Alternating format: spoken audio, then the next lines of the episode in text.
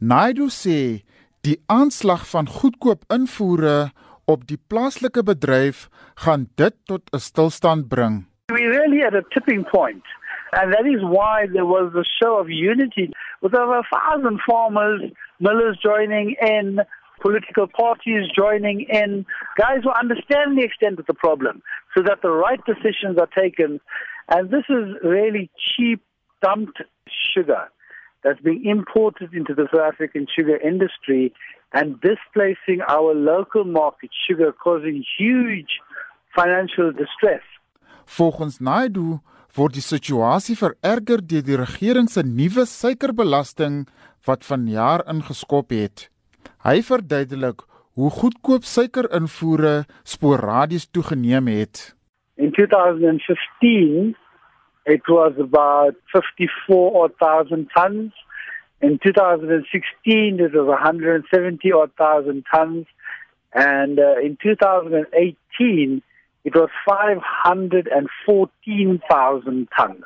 We've worked out that the tax on sugar sweetened beverages under the HBL, the Health Promotions Levy, that will displace a further 200 to 250,000 tons of locally produced sugar onto the export market, uh, further diluting our price. So what happens is when the importers are importing sugar, they're taking up more of our local market. All the more reason why we need this protection. François Bart van Fairplay Movement verduidelik hoekom die bedryf se aansoek vir 'n verhoogde invoerbelasting belangrik is. Die aansoek is belangrik omdat uh, duisende werksgeleenthede verlore gegaan het in Suid-Afrika as gevolg van uh, die invoere van lae prys is suiker wat eintlik roofpryse is. Dit is uh, laer as wat dit in die plaaslike mark in Brasilië verkoop word byvoorbeeld. En uh, die gevolg daarvan is dat uh, mense het hulle werk verloor. Naidu sê die suikerbedryf verskaf sowat 85000 direkte werksgeleenthede in die land. The industry as a whole provides 85000 direct jobs, 350000 indirect jobs and a million people, just over a million people, that's 2% of our population, are either directly or indirectly dependent on the sugar industry.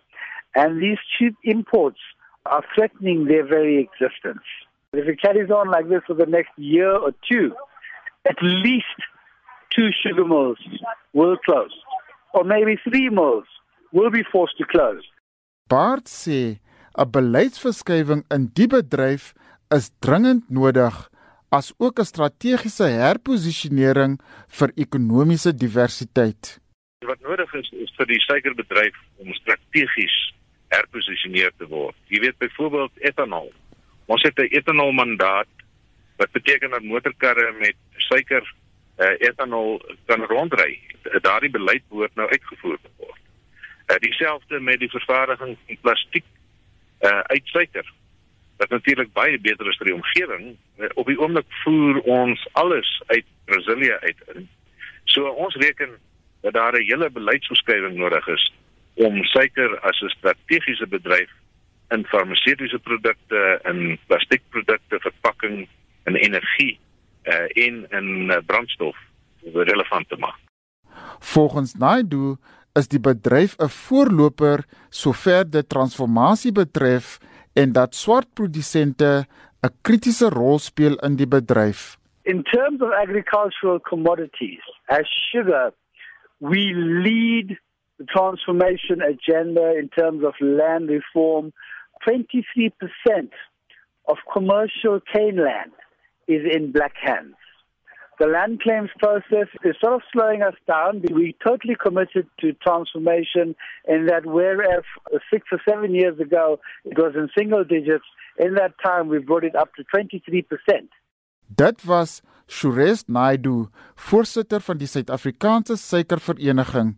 Ek is Malikole Gwatyu vir SAK nuus.